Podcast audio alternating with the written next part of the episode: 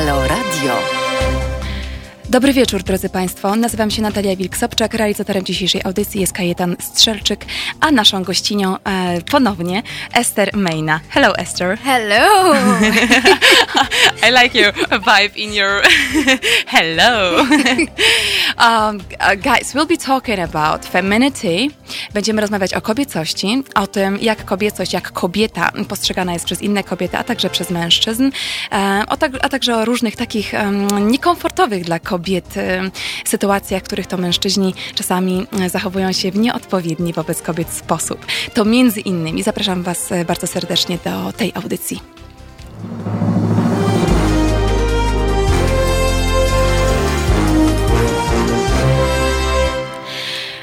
Okay, so I just thought that we can start with um, one story that you told me recently, and it just made me think of uh, of of the, of this that it is important to talk about it. It is important to say that, uh, you know, in our talk today, in our radio talk. Uh, pomyślałam o takiej jednej historii, którą Esther opowiedziała mi ostatnio i uh, ona dała mi dużo do myślenia. Zacznę od niej. Esther once, just recently, she told me that, you know, she was having some English conversation with one of her students and this is a man and um, he's a really nice guy. He's a really nice guy. He just wants to, you know, um, uh, make progress. He's focused on that. Uh, but uh, it turns out that he forgets uh, to perceive Esther not only as an English speaking girl, just a girl who knows English very well, but um, also as a person who can uh, share ideas, who can say something, you know, else than just speaking English and just, you know, uh, trying to make somebody improve uh, their English. Um, chodzi o to, mianowicie, że ta historia um, opowiada o tym, że jeden z uczniów Ester, ponieważ Ester także uczyła języka angielskiego i podczas którejś e, lekcji z kolei zauważyła, poczuła się niekomfortowo w związku z taką sytuacją, że jest, uzmysłowiła sobie, że jest postrzegana tylko i wyłącznie jako osoba, która mówi po prostu bardzo dobrze po angielsku. I bardzo trudno jest wejść z, z tą konkretną osobą, z tym mężczyzną w, w taką rozmowę polegającą na wymianie opinii, na wymianie idei, pomimo tego, że poziom języka angielskiego tej osoby pozwala na to. E, no po prostu ten człowiek, ten mężczyzna jest skoncentrowany na tym, żeby mówić, mówić, w jakimś sensie prowadzić monolog. Natomiast ta sytuacja to nie jest tylko odosobniona sytuacja, dlatego że ja słuchając tej historii miałam niejednokrotnie wrażenie w swoim życiu, że może nie ostatnio, ale jakoś wcześniej powiedzmy, że tak też jestem postrzegana na przykład tylko jako kobieta, która e, wykonuje tę rolę jako powiedzmy sobie, no nie wiem, edukatorka na przykład, albo jako ktoś inny. Natomiast z pewnością nie mam nic innego do dodania. Czy nie można, e, nie można z tą osobą jakoś porozmawiać, wymienić się ideami. E, to jest takie na pewno dla kobiety wrażliwej i wyczulonej na tego rodzaju sytuacje, to jest nie tylko krępujące, ale także niekomfortowe, no i irytujące. so I just said that it is this kind of situation which is irritating for women because many women struggle or many women have experienced this kind of things you know this um, uh, experiences these situations where they are only perceived as one role as a, as a as a person who is fulfilling one role right so it is like limiting this person to only this role, right? To jest jakby ograniczanie w rozmowie, w kontakcie, w relacji, w spotkaniu, ograniczanie tej osoby tylko do tej jednej roli. To znaczy, oczywiście możemy sobie, drodzy Państwo, e, to przenieść na inne e, na inne relacje, na przykład seksualne, prawda, że ktoś jest tylko postrzegany jako osoba do łóżka, albo ktoś jest tylko postrzegany jako mama na przykład, tak, albo jako ktoś inny. Natomiast właśnie chodzi nam o to w tej rozmowie na początku, żeby rozszerzyć pojęcie y, kobiecości, rozszerzyć pojęcie osoby, bo to też nie tylko chodzi o kobiecość, ale rozszerzyć pojęcie osoby, czyli takiego także spotkania z osobą, osobą, która ma coś mądrego do dodania, szczególnie, że Esther jest bardzo inteligentną, bardzo mądrą i doświadczoną osobą, pomimo swojego bardzo młodego wieku. Uh, so I just thought, I just said that you're, you're a, um, despite the fact that you're really young, you're a young person, you are so smart, you are very wise, intelligent, and you have a lot to say, you have a lot to talk about, you have a lot to share uh, with somebody, right? So, what, what, how do you feel about that situation now? Has it changed? Oh yes, it most certainly has. Um, after our last conversation, um, I remember some really good advice from you. Actually, um, I took it. You should know, uh, and it it worked. Um, so much better now. Um, it most certainly was not the first time that that has happened. Um, but it was definitely the first time that I talked about it. I, I, can say it's usually something that most of us um, suffer in silence. Us women suffer in silence. Mm-hmm. Um, and so, yeah, I, I, think the more we talk about it, the more we bring this um, issues to the surface, um, the better chances we have at, at, at, fixing it. And this whole one-dimensional thing, I, I think, is is a great uh, topic. It reminds me of something that actually happened recently. Um, they recently produced this movie about um, Armstrong, the first man on the moon, um, and the title of the film is actually the first man, and quite literally so. Yes. Um, but it brought about some controversy, and, and, and, people were talking about it, and it created a certain conversation that generally, when we think about human, the first thing we think about is man, and usually woman is is an afterthought. Like okay, human man, and then and then woman. And so even when we look at this film, The First Man, or the, this whole expedition, lots of women were were involved. But then by by saying the first man, as rightly that you should. Um, but we are saying that whenever we say human, um, we first think about 50% of our population, which are the men, and then uh, as an afterthought, the woman comes a little bit later. Um, so yeah, this whole one-dimensional thing, I think, also comes uh, to play in, in, in, in this kind of way as, as well.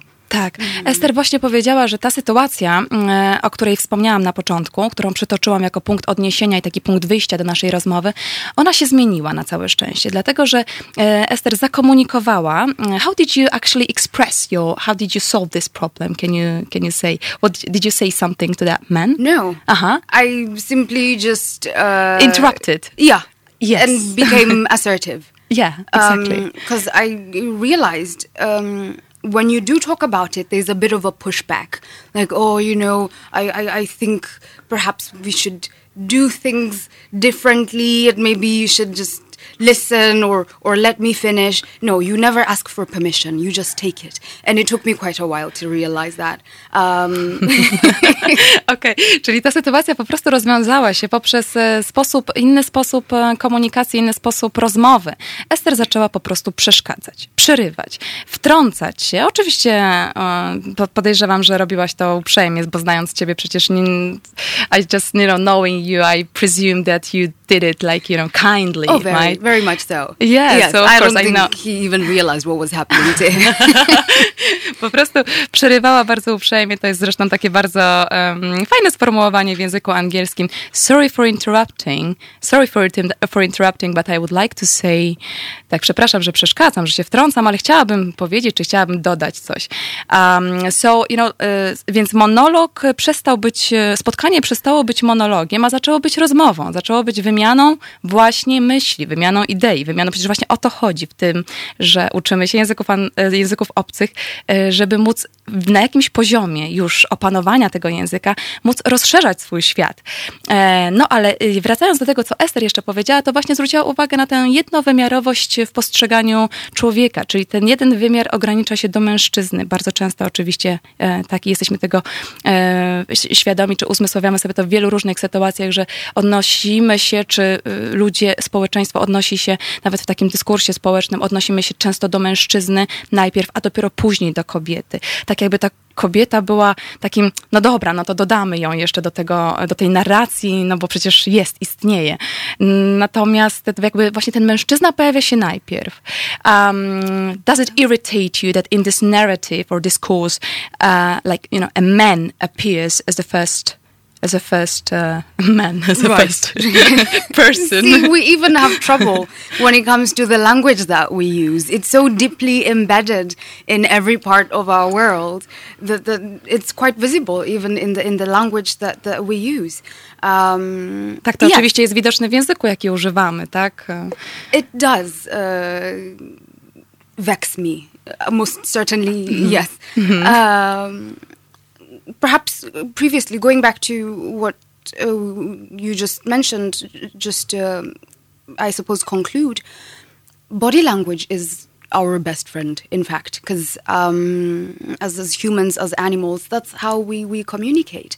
Um, words are just words, and in English we say action speaks louder than words. Mm-hmm. Uh, and it simply says that the body language is our friend. And when you look at uh, how men occupy their space, body language is very much uh-huh. their friend. They're not afraid to, to take control and just and just be. You've I've been on a bus and I've seen the way from small little things like from the way men will sit and just gain their comfort around other people. You you can see that someone is comfortable in that space. They're not asking for permission. They're simply just establishing themselves and saying, "Yeah, this is me. This is my space.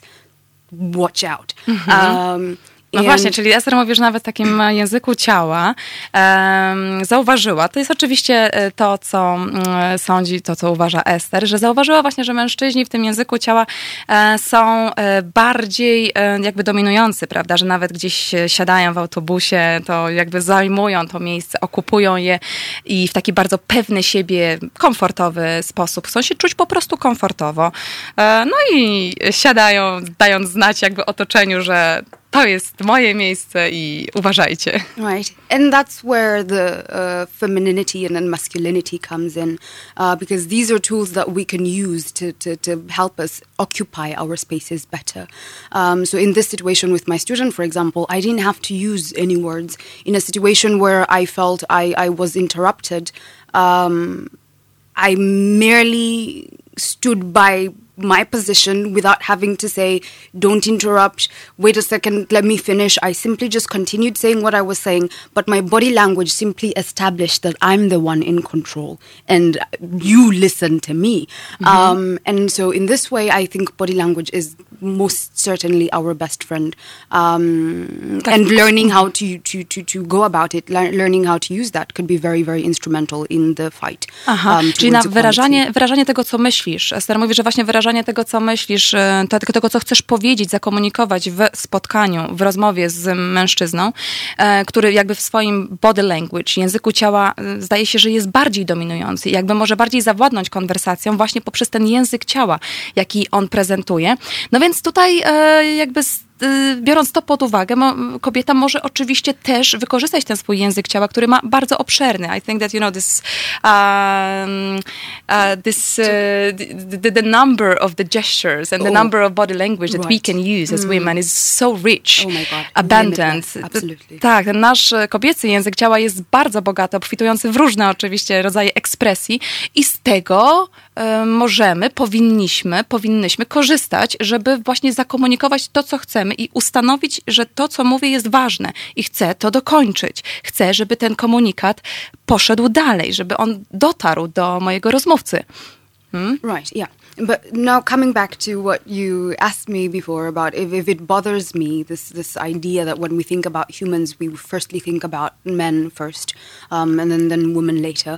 Um, absolutely, it most certainly does bother me, and I think the problem is much bigger than than than we think. Um, I came across this book by uh, her name is uh, Caroline Perez. Uh, the title of the book is uh, Invisible Women, and she writes about data biases and, and uh, sexism in our algorithms. Um, and I find that it's a very curious and interesting topic because um, now our life day by day more and more we are governed by by software and algorithms and, and, and data run our lives. And if the data from the very beginning is biased then the, the system and then the society that we create will definitely be biased in this case towards men. So you find that the information that we collect uh, is mostly collected by men and from men right? Um, and so you find there's there's a gap missing. There's this women's gap, 50% of the population that, that's missing. Um, I could give a few examples. Um, Volvo, for example, uh, the company, the car company, only until uh, recently did they start um, employing female dummies for crash tests in their cars. What does this mean? This means that um, approximately 47% of women are more likely to be injured in car accidents, and 17% of us are more likely to die in a car accident. Because if the dummy that is used is male, the weight is different, the height is different, um, and so all the parameters are different. And if this is how we make all the cars, then this means for a woman to drive a Volvo, she has to pull up her chair just a little bit forward to reach the gas pedals. Mm-hmm. Um, and this means in case of an accident, she'll probably be at a higher chance of, of risk and injury compared to a person who uses the car the way it's supposed to be used. Um, and this all comes from just something as simple as the kind of dummy that we use. So, data collection, there is a huge bias there. Um, and if we don't address it, then our world is only going to get worse in, in, in, the future, especially in this very computerized um, age that we're living in. Mm-hmm. Um, but, you know, like um, we have so many access, you know, so much access, so many opportunities to get uh, the same kind of information as uh, men. It's uh, I, I, you know I can't see this uh, uh this problem actually okay. because I, uh, yeah we have, we have the same chances. Another example, perhaps. um, okay, so maybe I'll translate. Course. Um, tutaj właśnie Esther zwraca uwagę na przykład tego języka, języka um, też dominującego pod względem płci, e, czy może inaczej, takiego języka, który e, ignoruje, mm, e, ignoruje kobiecość, ignoruje kobietę, chociażby w, w różnego rodzaju danych, informacjach, algorytmach, które, które otrzymujemy, które przetwarzamy. I jakby rozumiem ten sposób widzenia, czy ro, rozumiem ten punkt widzenia, bo bardzo często oczywiście takie suche dane, bardzo konkretne dane, one pomijają pewnego rodzaju jakby istotę osobowości, tak? Istotę tego, czym jest kobieta i czym jest mężczyzna. I tutaj wydaje mi się, że jakby nie ma rozróżnienia na płeć. Y, to jest to na przykład, o czym rozmawiałyśmy. I will just say something about the last uh, radio talk with Joanna Ostrowska. W zeszłym tygodniu może część z Państwa miała cierpliwość wysłuchać naszej dwugodzinnej rozmowy o przemocy seksualnej, przymusowej pracy seksualnej e, w czasie II wojny światowej. I książka Joanny Ostrowskiej pod tytułem Przemilczane, właśnie pod takim tytułem Przymusowa praca seksualna, seksualna w czasie II wojny światowej, jest e, obfitująca w różnego rodzaju fragmenty z różnych archiwów, dokumentów, które przedstawiają przede wszystkim dane, jak ma miejsce pracy, przymusowej pracy seksualnej wyglądać, ile tam ma być łóżek, krzeseł, ile kobiet ma być zwerbowanych albo e, z, z, z, zatrudnionych, tak, no bo to za każdym razem w tych e, dokumentach nie było informacji o tym, że one są zmuszane do tej pracy. Więc jeżeli weźmiemy pod naprawdę to, to, to po prostu jest niesamowite mm, wrażenie, jak się czyta te fragmenty, jak się czyta w ogóle całą książkę, która bazuje na liczbach, bazuje na danych, to te dane, one naprawdę gdzieś e, za, za, za, za, zacierają tę prawdziwą treść, jaką było cierpienie tych ludzi, cierpienie tych kobiet, ale nie tylko kobiet, bo także osób nieheteronormatywnych, mężczyzn. E, cierpienie tych osób, które były zmuszane do pracy seksualnej. I ten język właśnie takiej biurokracji, język ekonomii miał za zadanie zapomnieć i nie myśleć o tym cierpieniu, nie myśleć o tym, co, te, co ci ludzie przeżywają i tak naprawdę do czego są zmuszani. Więc te dokumenty i, i dokumenty z tych archiwów, e, które można znaleźć między innymi właśnie w tej książce Joanny Ostrowskiej, one w taki naprawdę brutalny sposób um, też pokazują taką prostą prawdę, że jeżeli operujemy liczbami, jeżeli operujemy danymi i suchymi informacjami, to w tym takim dyskursie dotyczącym tych informacji, nie myślimy o cierpieniu i o tym, co nie, nie myślimy o uczuciach tych ludzi, którzy są w ten proceder jakoś wprzęgnięci. To jest bardzo ciekawy wątek właśnie, to zakotwiczenie, e, zakotwiczenie naszego myślenia w języku i zapomnienie o czyimś cierpieniu i o czyichś uczuciach, E, poprzez właśnie ten język ekonomii, język na przykład marketingu, język algorytmów. Bardzo łatwo to e, można gdzieś zmarginalizować.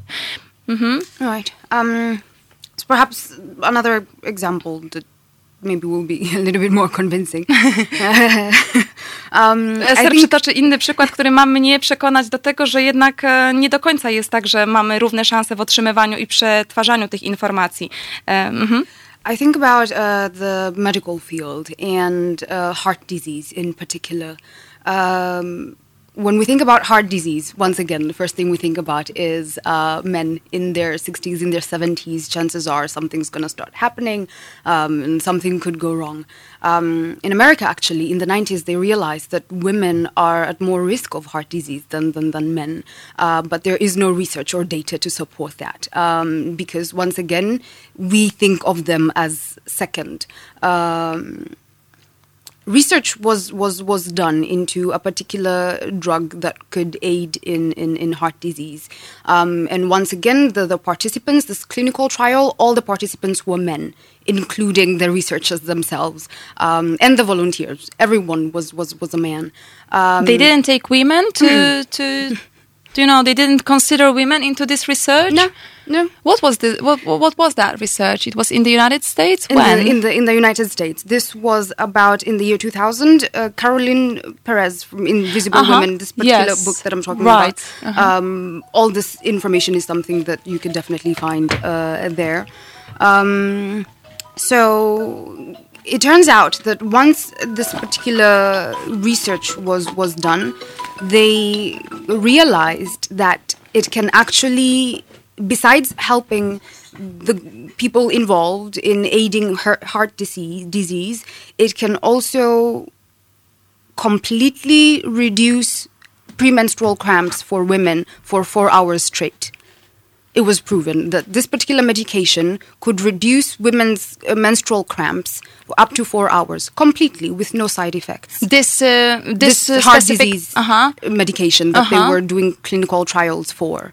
Um, so the researcher, once they discovered this, they tried to get uh, funding uh, for this. Um, and so once again, we go to where the data bias uh, comes from.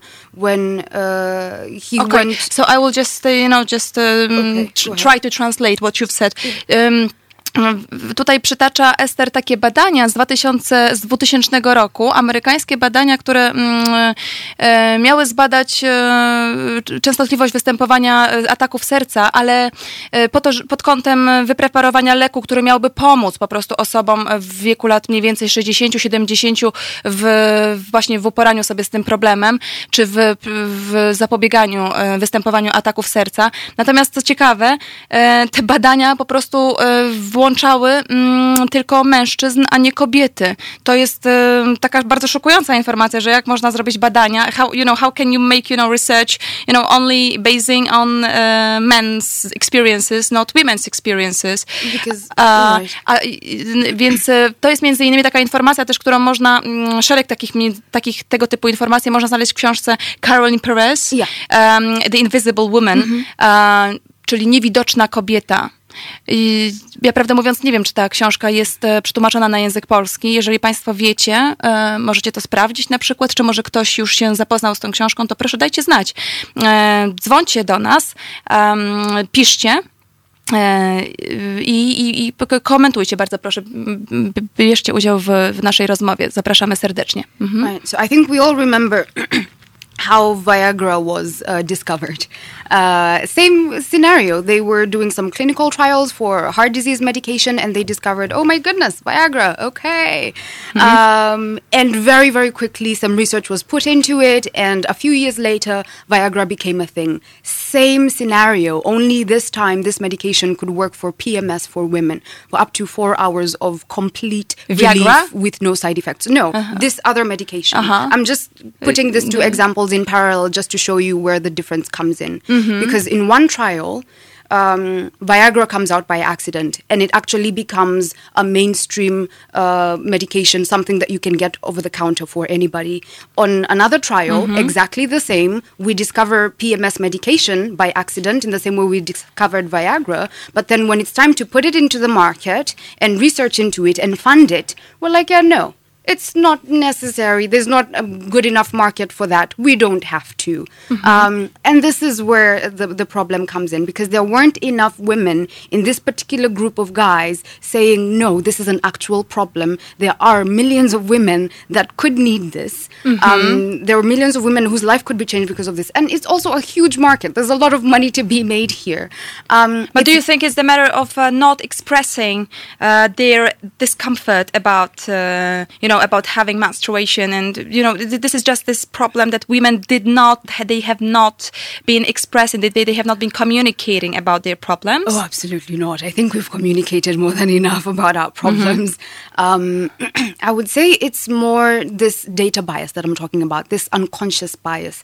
It's very difficult to think of needs that you don't have and when these circles, these power circles, these decision making circles that are filled by men, we cannot expect them to think of our needs because it's almost impossible. If if it's not my need, I'm not thinking about it. And mm-hmm. so mostly guys occupy this situation, so they don't think about this. It's an unconscious bias. And as long as we don't include more women in these circles, so I'm thinking, for example, um, so all of these research programs, uh, venture capitalists, for example, uh, 97% of them are men. And so these are people that give funding for small businesses and startups and, and, and small enterprises. Mm-hmm. And if 97% of them are men, then the thinking of it is, is male. Is exactly. Okay. And so mm-hmm. something as simple as, as a breast pump. This is a $7 million industry um, and they can be very, very uncomfortable. Um, I've tried one. Um, they can be incredibly uncomfortable. And this is a huge industry.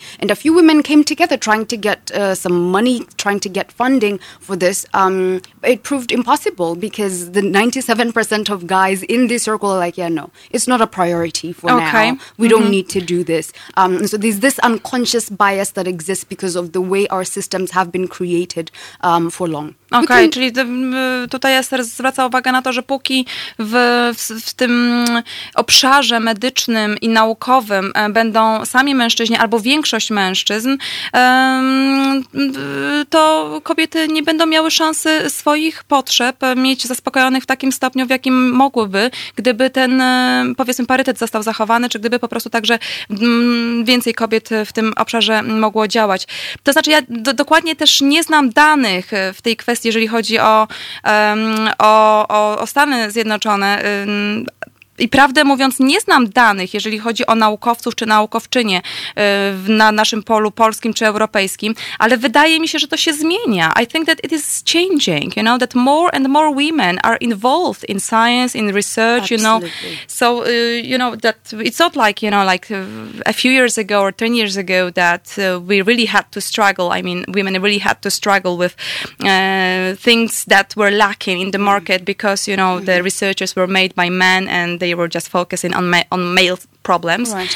Uh, but it's just um, getting changed and uh, into this positive direction that more and more women are are researchers and they are making success. Oh, absolutely, absolutely. Very, yeah. very, very true. Uh, jest coraz uh, jednak słychać cały, cały czas różne, uh, różne mm, wspaniałe wieści o tym, że to kobiety naukowczynie coś wymyśliły, coś zrobiły. Na przykład uh, taka, I will just give an example of one, it maybe it is not about females things, but it is about civilizational thing. Mm. To już może nie chodzi w tym badaniu, które Róża Rutkowska, bo tak się nazywa dziewczyna, Młoda dziewczyna, która właśnie y, wynalazła y, taki biodegradowalny papier, papier jako opakowanie, które jest możliwe właśnie do takiej biodegradacji, e, stworzone z mikroorganizmów, stworzone z bakterii. I to wymyśliła nasza polska młoda naukowczyni, ale też artystka. Ona połączyła wiedzę z rolnictwa, wiedzę z tkanin, e, wiedzę z, także z zakresu informatyki, połączyła te różne dziedziny i stworzyła właśnie coś, co może stanowić alternatywę e, w, w tym e, w obliczu tego wyzwania, jakiego wszyscy, wszyscy stajemy, czyli tego wyzwania cywilizacyjnego, jakim jest po prostu mm, kryzys związany z, z, z klimatem, z przyrodą i z tym, co to, co wytwarzamy, plastik, prawda, to, to, to jak bardzo to zanieczyszcza planetę Ziemię, e, to to jest już jakby nie możemy, nie możemy już więcej tego produkować, bo ziemia tego po prostu nie, nie jest w stanie więcej znieść. Natomiast mamy właśnie taką młodą dziewczynę, Różę Rutkowską, która e, wynajduje alternatywę dla plastiku. No to jest po prostu coś niesamowitego. Ja jestem zachwycona tą, tą dziewczyną. Natomiast e, to nie jest tylko tak, że ona jest jedna. Tych dziewczyn, kobiet, naukowczyń jest e, dużo, dużo więcej i e, jest, e, I think that the situation is getting better and better, you know, in terms of uh, women in science, women in research, Um, I have one thing, you know, that one doubt, which is um, about women in politics. Okay. You know, there is still a uh, few women in politics, okay. and uh, yeah, we know that this is, you know, this area which influences uh, uh, a lot of areas in our personal lives, also not only public lives but personal lives. And there are still few women in politics. I wish there would be more more definitely more women who would involve who would be you know like interested in and who would be involved in politics actively right. professionally. Mm. I, I wish to see I wish to see you know a president uh, a woman as a president in Poland. Oh, absolutely. Chciałabym zobaczyć e, w Polsce kobietę prezydentkę. Chciałabym zobaczyć jak kobieta prezydentka radzi sobie z problemami z którymi do tej pory radzili sobie tylko mężczyźni e, na tym najwyższym szczeblu. e, i właśnie to jest taki obszar który moim zdaniem zdaniem bardzo w tym obszarze brakuje kobiet, y, właśnie kobiet decyzyjnych.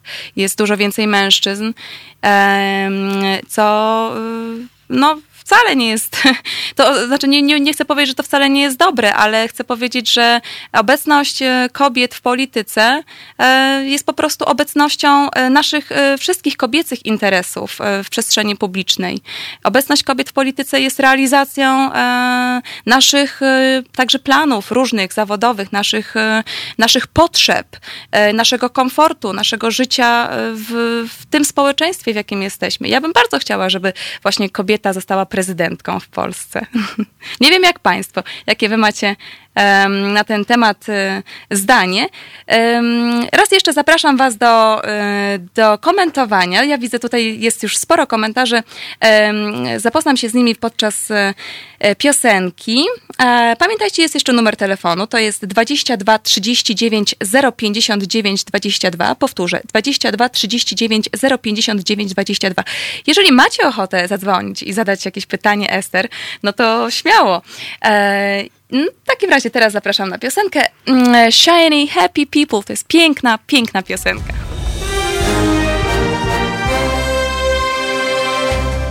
Halo Radio. Gadamy i trochę gramy.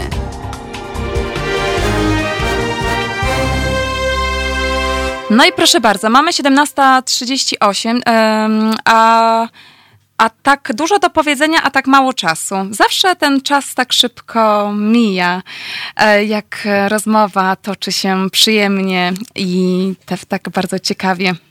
E, no właśnie, tutaj czytam Wasze komentarze, drodzy Państwo. E, jeszcze raz przypomnę, naszą gościnią jest Esther Mayna i tak sobie rozmawiamy o kobiecości, o feminizmie, w w, także w kwestii języka, w kwestii e, danych, informacji e, badań różnych. E, I tutaj patrzę na Wasze komentarze. Baranek napisał, że feminizm to mit. A, no, fajnie by było, jakby Baranek troszeczkę rozszerzył swoją, e, swoją tezę, dlaczego feminizm to mit, dlaczego tak uważa. Do you think that feminism is a myth? Zapytałam pani, pani Baranek, zapytałam Esther, czy uważa, że feminizm to mit. I asked Esther to say if feminism is a myth. I, I wouldn't even know what to say about that. I, I, oh my, I. you know, maybe, uh, maybe Esther, maybe feminism is just an artificial construct that you know we just made. You know, uh, we made up to make ourselves feel better, feel more dominant, just to you know, that maybe women, due to thanks to feminism, this specific cultural construct, women are tending to gain back power. gain back domination that they used to have a long, long time ago. Zadałam takie prowokacyjne pytanie, Ester, że może właśnie feminizm, ponieważ pani, tak tutaj pan Baraneks, pan Baraneks, Baraneks, um, się jakoś odnieść do tego. To, to nie ukrywam, że to mnie zastanowiło. Może faktycznie feminizm jest takim e, sztucznym, kulturowym konstruktem, który e, ma służyć jako narzędzie dla kobiet do zyskiwania, do odbierania tej e, władzy i dominacji, którą miały kobiety e, w społeczeństwie dawno, dawno temu, w społeczeństwach matriarchalnych. Tak, były takie społeczeństwa matriarchalne, potem, potem, e, potem zaczęło pojawiać się, tworzyć, pojawiać się i dominować społeczeństwo patriarchalne. A w tej chwili można powiedzieć, że toczymy chyba swego rodzaju taką. Y, takie starcie się płci, starcie, w którym stawką jest e, władza. Uh, do you think that uh, we are just trying to gain back this dominance, this domination, this power, gain this back, like again? Um, and we, that's why we have, you know, like we are trying to make this feminism more powerful and more con convincing. Right. Um, I would say uh, again is ooh, is an interesting word because I'm I'm not sure that we ever really did. Mm-hmm. Life was most certainly more balanced at one particular point in, in, in life. Um, but patriarchy has been the dominant system since the dawn of civilization. Mm-hmm. Um, so as far as, as, as, gaining it back, I'm not sure. gaining a certain balance back, um, yes.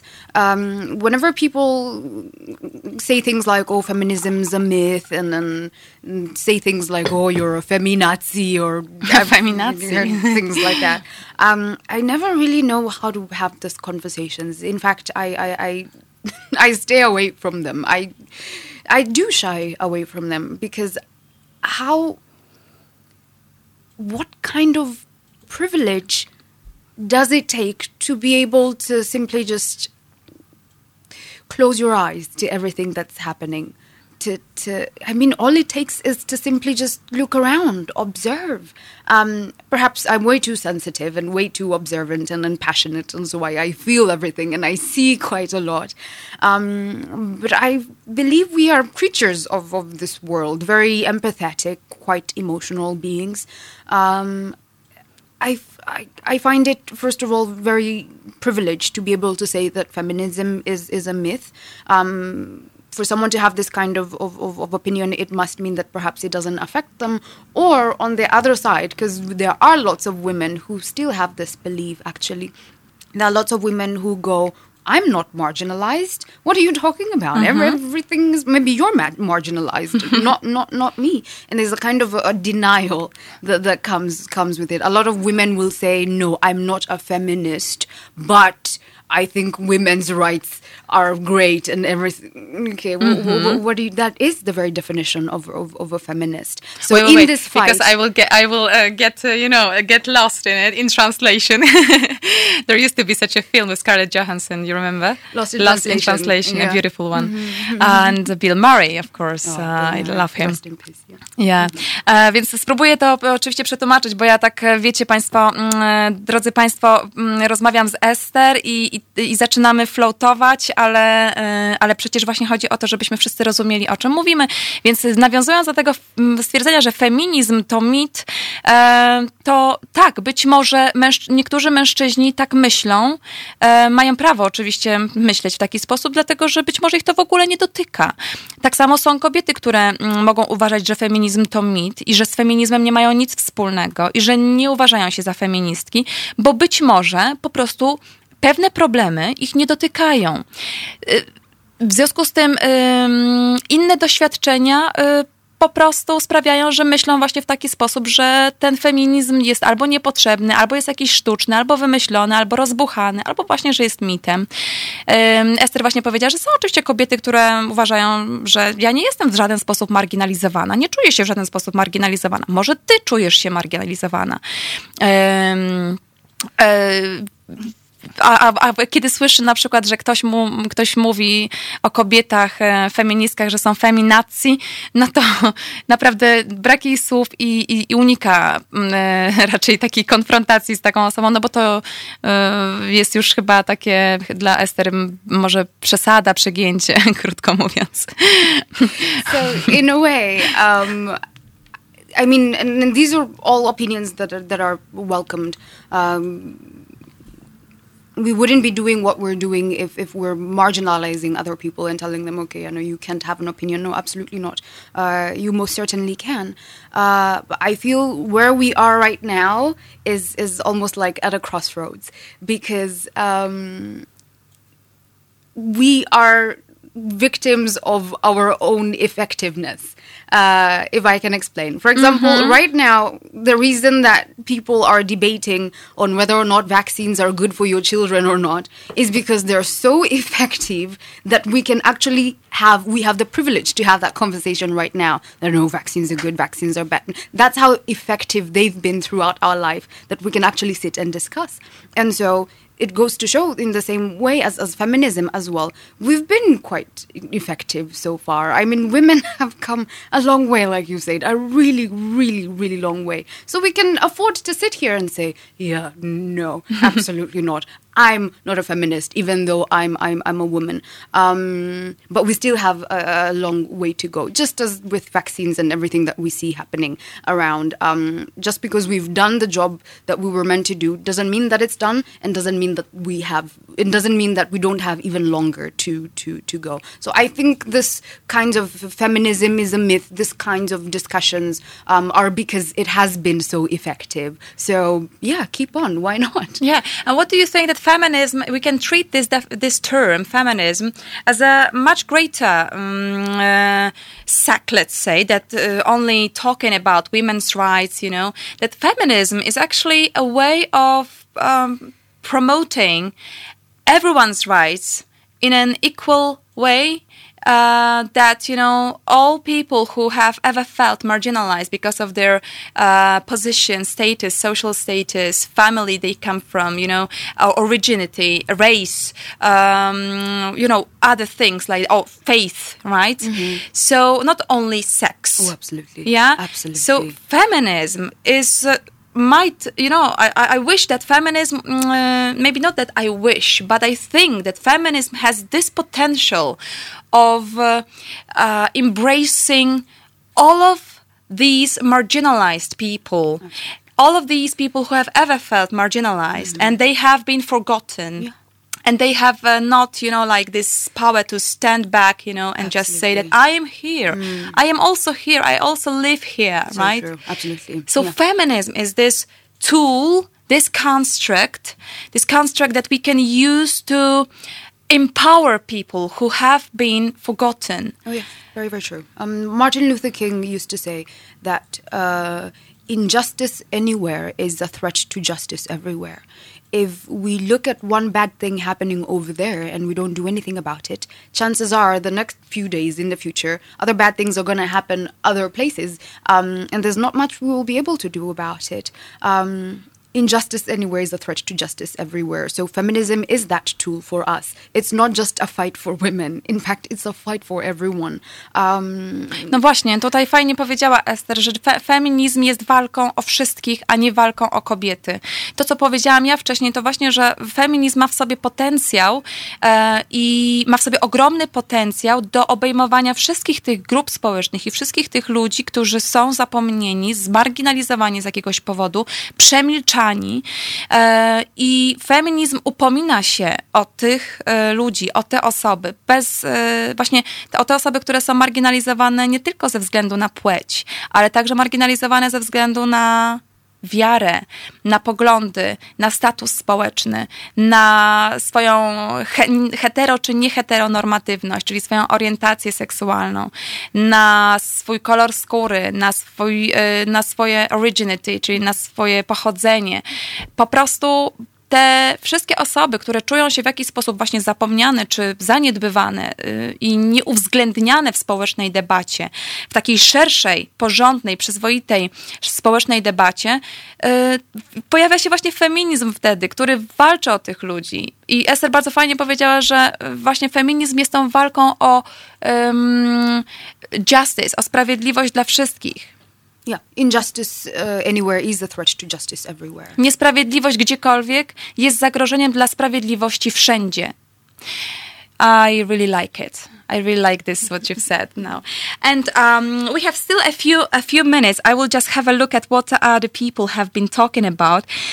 Um, uh, oh, Baranek, z, przepraszam, tak się uczepiłam, no, uczepiłam, uczepiłam się naszego słuchacza, który ma taką, mm, taki nickname Baranek. Faceci mają pewne predyspozycje do funkcjonowania, których nie mają kobiety. Kobiety mają rozwinięte inne obszary funkcjonowania, a mężczyźni inne. Uh, ba- ba- Baranek, this is our um, uh, our listener. He has already said that women have developed. Women have other parts of functioning in their lives more developed than men, and men have different parts, which might be true. um, okay, and there we have. Uh, Marcin Nowak. Marcin Nowak, nasz kolejny słuchacz, napisał, że to musi być bardzo, bardzo wyczerpująca, dla nasz, e, wy- wyczerpująca audycja dla naszej e, prowadzącej, ale bardzo ciekawa. One of our listener, Marcin Nowak, said that um, uh, it must be very exhausting. very exhausting talk for me, but very interesting. I don't know. Maybe, I don't know why. Maybe do, do, do I sound like a person who's exhausted, or do I sound like do I look like a person who is exhausted with this with this talk? Well, I might. I have to translate, of course. Tak, mu- muszę muszę dla Państwa oczywiście tłumaczyć, ale robię to z przyjemnością i staram się jak mogę. Y, Anna 333, która bardzo lubi Ester, wysłała jej serduszko. Anna uh, has sent you a heart for you. Jody Picoult, Małe Wielkie Rzeczy, rozwiewa wątpliwości co do dyskryminacji. Anna rekomenduje nam książkę. Uh, She's recommending a book to us by Jody Picoult, Little Big Things. Mm. Um, Dalej. E, jeszcze spojrzę. E, aha, książka o równych prawach, o prawach człowieka. Grzegorz Szafrański mm, tak pisze: Feminizm jest jak wolność i jednocześnie jest wolnością. O, bardzo ładne. Grzegorz Szafrański, our listener, just uh, wrote that feminism is like freedom and at the same time is a freedom. It is nice, Very yeah? nice. Very, Yes. very nice. Yeah, and um, you know the last thing which I will ask you about uh, because we we are running out of time, um, but of course I'm pretty sure that we will have more chances uh, to talk about. Uh, this what we are just you know just only touching because it is only like touching this problem is that um, abortion okay. What do you think about abortion is abortion what about abortion in kenya Oh, yeah. It's um, illegal. aborcja w Kenii it's Uh, illegal It's, it's, it's nielegalna illegal. Mhm. Um, and they're only uh, few instances that women are permitted to to um, perform an abortion. Okay, so um, jest kilka incest, przypadków. rape, and, Okay. you know the basics. Uh, Rape, so this is one of well, them. Jeżeli kobieta została zgwałcona, so the same as uh, here in Poland. Right. Yeah. Yeah. The second. Incest is, is definitely huge. Incest. Uh, it might not be rape, but for example, if a cousin decides to get with another cousin and then they have an Aha, offspring, it's like, tak, okej, mhm, czyli mm, tak, Right. czyli y, dziecko w wyniku, a child being an effect of incest, right? Exactly, Okej, yeah. czyli dziecko w wyniku związku kazirodczego. Um, mhm. Uh, yeah, and of course, uh, in the case of, of bodily harm for the mom or for the baby, this is also permitted. So in these three instances, Okej, czyli w przypadku uszkodzenia ciała, czy zdrowia, mm, czy zagrożenia zdrowia i życia dla kobiety. but in my opinion, I think it's still quite ridiculous. Tak jak w Polsce. Mhm. Just like here, right? Okej, i jeszcze mamy w Polsce, znaczy my mamy w Polsce w wyniku, tak, w przypadku gwałtu, w przypadku zagrożenia życia i zdrowia dla kobiety, a trzeci przypadek to jest um, duże prawdopodobieństwo wystąpienia nieupośledzenia płodu. So we have these three cases and the third case is that uh, if a woman is uh, uh, afraid of or there is, there is big probability that Right. she will give birth to a um, handicapped Absolutely. child. Yes. So there is a handicapped embryo, right? Fetus. Right. So uh, there the is this, um, let's say, chance Absolutely. to get rid of, yeah, to Right. get abort. Right. Yeah. And even just even talking about this in my mind is is, is ridiculous because um, once again we go back to what you mentioned about politics and the fact that we don't have enough women in these circles. Um, it's ridiculous for me the idea that this groups of, of, of men, powerful men, sit somewhere and make decisions about the woman's body. Um, No tak, to jest faktycznie dla Ester też bardzo absurdalne właśnie, że jest jakaś grupa mężczyzn, która decyduje o e, ciele kobiety.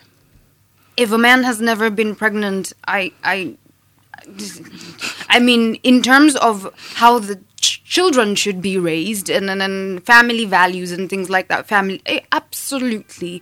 Um, but this, this is something that is extremely personal, um, and this is actually a discussion that I will only have with women. It might seem extremely radical, but in my opinion, it's not a conversation for men, especially in the situation that we've been put in right now. This is the one thing that I'm extremely radical about. It's not a man's conversation. It should never be, and we should try to change it. Aha.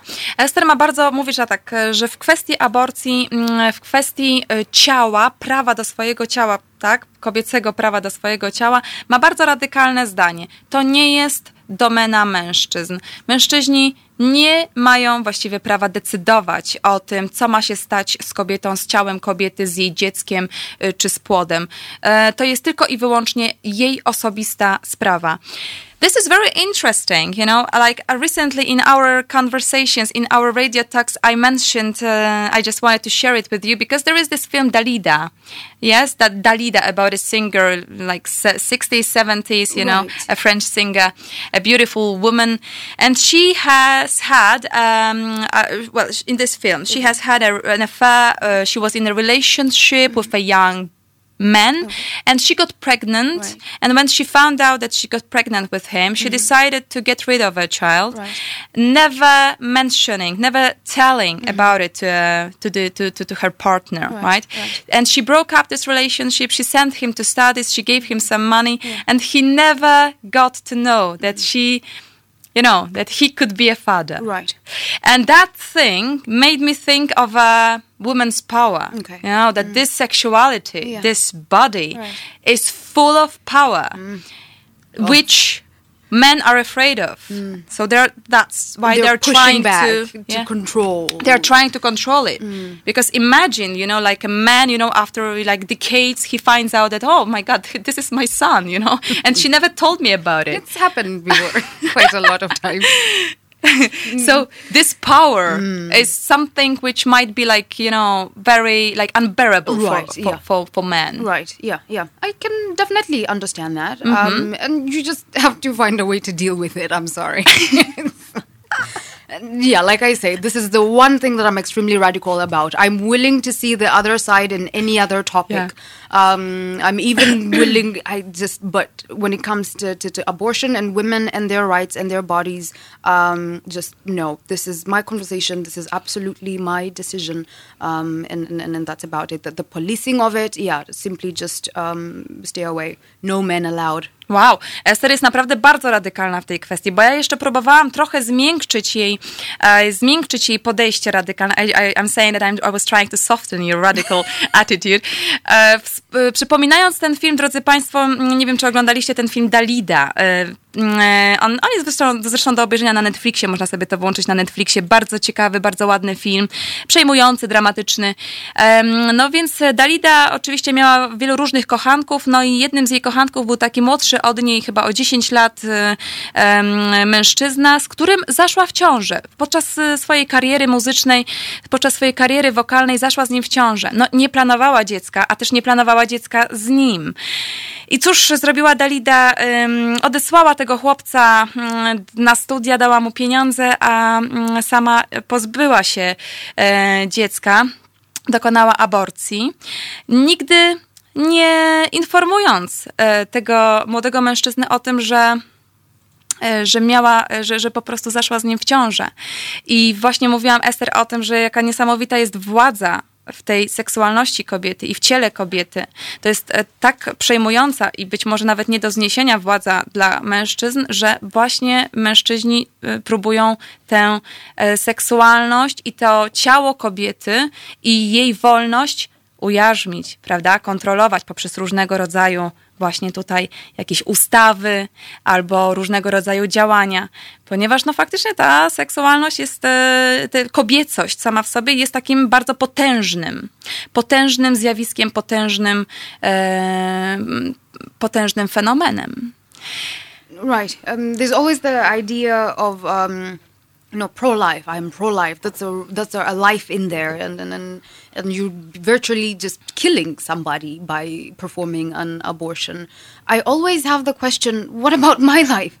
Does my life don't mat doesn't doesn't that matter mm-hmm. enough for you to be willing to fight for my rights? That embryo is not yet even viable yet.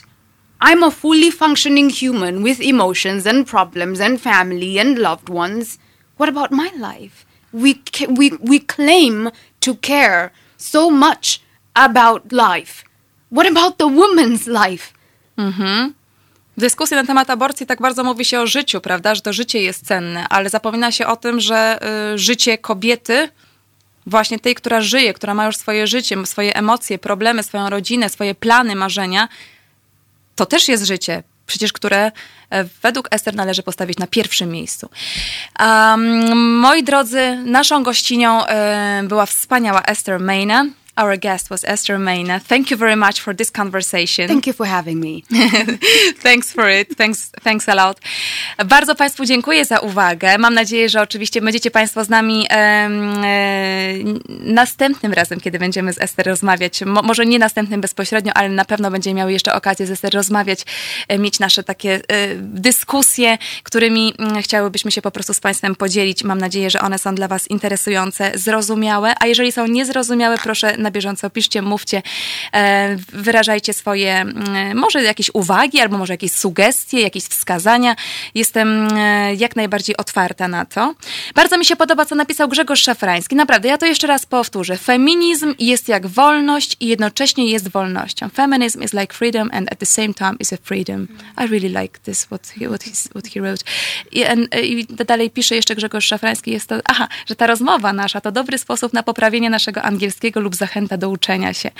Mm, bardzo panu dziękuję. Grzegorz Szafrański said that it's at our conversation is a good way just to brush up, to improve English and an incentive to learn. Absolutely. Thank you. For me especially. Thank you very much. Bardzo Państwu dziękuję i do, i do usłyszenia. Za chwilkę będę rozmawiała e, z Konradem Płochockim o budowaniu, o realizowaniu inwestycji deweloperskich tak by e, nie niszczyć przyrody. Zapraszam Państwa do e, wysłuchania i do wzięcia udziału w naszej rozmowie.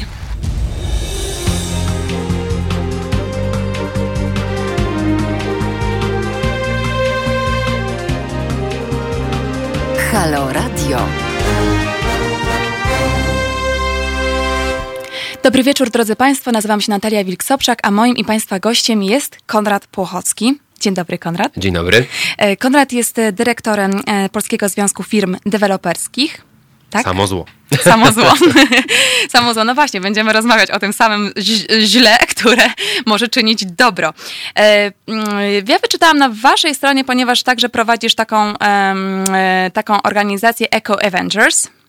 To jest bardziej, nie tyle ja ją prowadzę, to jest rzeczywiście zespół ekspertów tak. powołanych przy Polskim Związku Firm Deweloperskich, mm -hmm. czy z naszej inspiracji.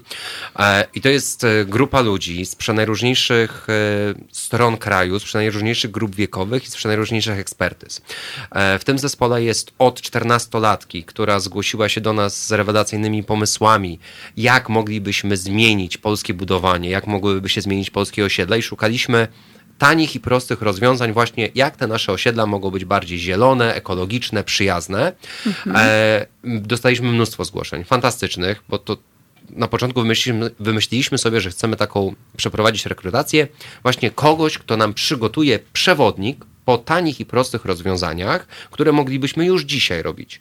Dlaczego tanie i proste? No bo oczywiście to też jest biznes, ten biznes deweloperski, natomiast mnóstwo mniejszych firm, takich w mniejszych miejscowościach, czy, tam, które, czy te, które budują na tym rynku popularnym, tam gdzie najbardziej liczy się cena, mhm. no wiadomo, że one nie są w stanie upchnąć w budżecie drogich paneli fotowoltaicznych, pomp ciepła zaawansowanych i tak dalej.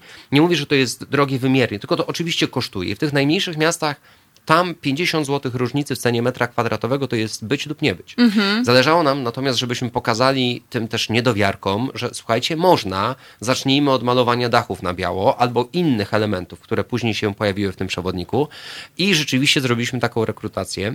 E, przyznając się trochę, naśmiewając się z siebie, że słuchajcie, no wiemy, deweloper, co wspólnego ma deweloper i pszczółki, mięsne, e, pszczółki miejskie, mhm. no to, że jak wciskamy tam pedał gazu do, e, do dechy, no to turbina zasysa ostatnio pszczołę z okolicy.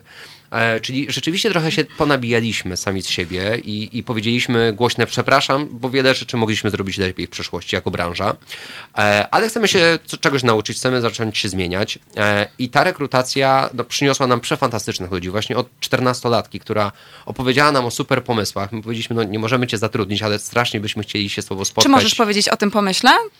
Co ona wymyśliła? Między innymi torby boomerang, czyli miejsce na klatce schodowej, które projektuje od razu deweloper i zostawia się tam torbę wielorazowego użytku, mhm. taką, która krąży pomiędzy sklepem i klatką schodową, w lewo i w prawo, pomiędzy piętrem i, i sklepem spożywczym na dole, czyli żeby nie trzeba było kupować, albo jesteśmy w sklepie i jak to zawsze człowiek się strzela w czoło, tak, no tak, znowu nie wziąłem torby i trzeba wziąć tą reklamówkę.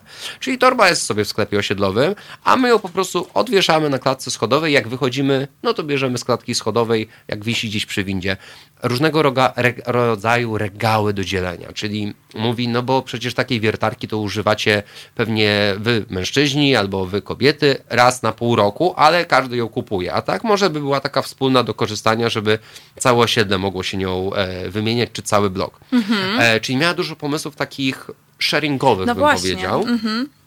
Natomiast e, to, to jest tylko wstęp. W tym, w tym zespole, e, e, do którego dołączyła Emilia ze zgodą jej mamy, jako, jako oczywiście wolontariusz, nie, nie, nie zatrudniamy nieletnich spokojnie. Ale Natomiast... bardzo mi się podoba właśnie, że wspomniałeś o tej dziewczynie, że to jest taki, taka młoda osoba, 14-letnia, która ma właśnie takie pomysły na, na takie sharingowe, ale też jakieś ekologiczne, takie prospołeczne my działania. Byliśmy, my byliśmy bardzo zachwyceni, jak, to, jak poczytaliśmy sobie o tych pomysłach, przede wszystkim, że, że że chce jej się w wieku 14 lat do nas napisać, e, opowiedzieć o tych pomysłach, chce później się przyjść, chce się brać udział w spotkaniach, na których sobie omawialiśmy, czy coś jest realne, czy nierealne, bo wychodziły nam również rzeczy, niektóre, że się no, nie uda zrobić z jakichś przyczyn, na przykład e, kwestie kompostowników na osiedlach e, mhm. mieszkalnych, które są e, gdzieś tam w centrum miasta. To są minimalne odległości wymagane do takich rzeczy. Czyli niektóre rzeczy musieliśmy wyrzucić z tych pomysłów, ale, ale fajnie, że jej się chciało. A nie da się zrobić kompostowników? Akurat da się, tylko chodzi o to, że kompostowniki takie do produktów spożywczych, czyli mm -hmm. na przykład dla skorupek po jajkach, no to już wymagają trochę więcej zachodu. Da się zrobić też i kompostowniki takie na trawę czy liście, aczkolwiek rzeczywiście są pewnego rodzaju odległości, które trzeba zachować. Czyli musi być całkiem spora działka, żeby to zgodnie z przepisami umieścić na takiej działce. Mhm. Rzadko będzie taki projekt, żebyśmy to mogli e, spokojnie zrobić. Natomiast no, oprócz niej e, mieliśmy w tym zespole, czy, czy cały czas mamy, e, e, hydrolog, doktor nauk o ziemi, która naprawdę jest, chylimy czoła przed jej wiedzą, robi badania z wpływu zmian klimatu na stan wody i robiła te badania nie tylko w Polsce, ale również i na Arktyce i w, w Kazachstanie. Brała udział w pisaniu planów adaptacyjnych, e, jak się bronić przed powodzią na zmianę z, z obroną przed suszą, czyli jak przy tych szalonych zmianach klimatu. Mamy doktora, e, który z, zrobił swój doktorat, doktoryzował się z ochrony roślin, a właściwie z przetrwania roślin. Czyli on nam powie, co przetrwa w mieście, a co, co, co nie. I, i to, co ciekawego mówił, że to, co jeszcze parę lat temu uważaliśmy, że jest gatunkiem drzewa takim ekspansywnym, niepożądanym, bo to jest za bardzo, się rozsiewa i nie jest takie eleganckie. Dzisiaj jest już zalecane, bo tak nam się szybko klimat zmienia i coś, co byśmy sadzili parę lat temu, co on sam by mówi, doradzał, żeby sadzić na osiedlu deweloperskim na przykład, to dzisiaj już tego nie doradza. Mówi, bo klimat w tak szybkim tempie się zmienia, że, że te drzewa padają. On się doktoryzował właśnie z przetrwania roślin w laboratoriach Monachium, Amsterdamu e, i Madrytu. E, mamy architekta, który na stypendium Stanforda brał udział w przygotowaniu założeń do rewitalizacji centrum Detroit.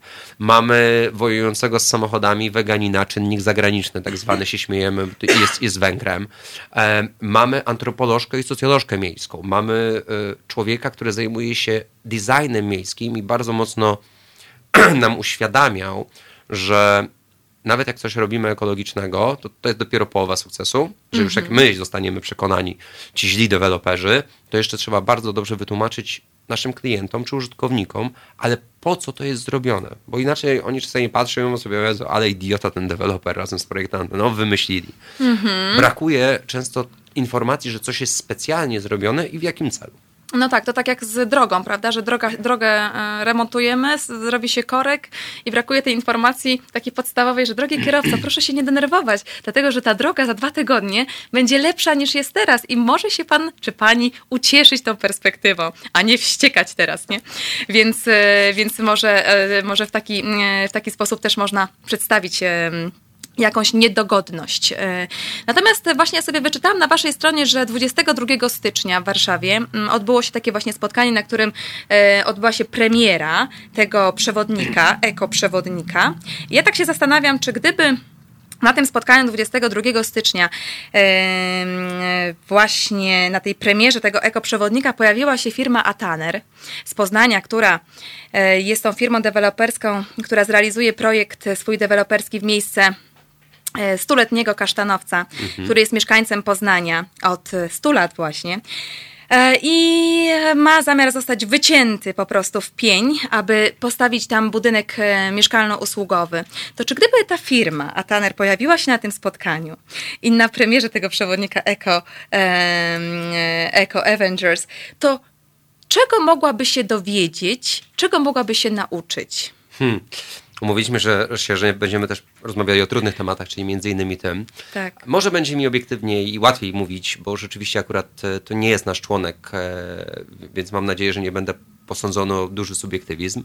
Natomiast e, my rzeczywiście coś, co mówimy w tym przewodniku do deweloperów, do naszych członków, ale i nie tylko, my, my nie mówimy im, słuchajcie, rezygnujcie ze swojej marży, ze swoich biznesów, róbcie to tylko i wyłącznie w imię poczucia odpowiedzialności za przyrodę, za planetę. Mówimy im, róbcie przede wszystkim to dlatego, że macie poczucie odpowiedzialności za planetę, za przyszłe pokolenia i po prostu tego od nas wymaga to, co do tej pory żeśmy zrobili z tą planetą e, i musimy zacząć działać, ale mówimy im też, ale musicie to zacząć robić również dla własnego biznesu.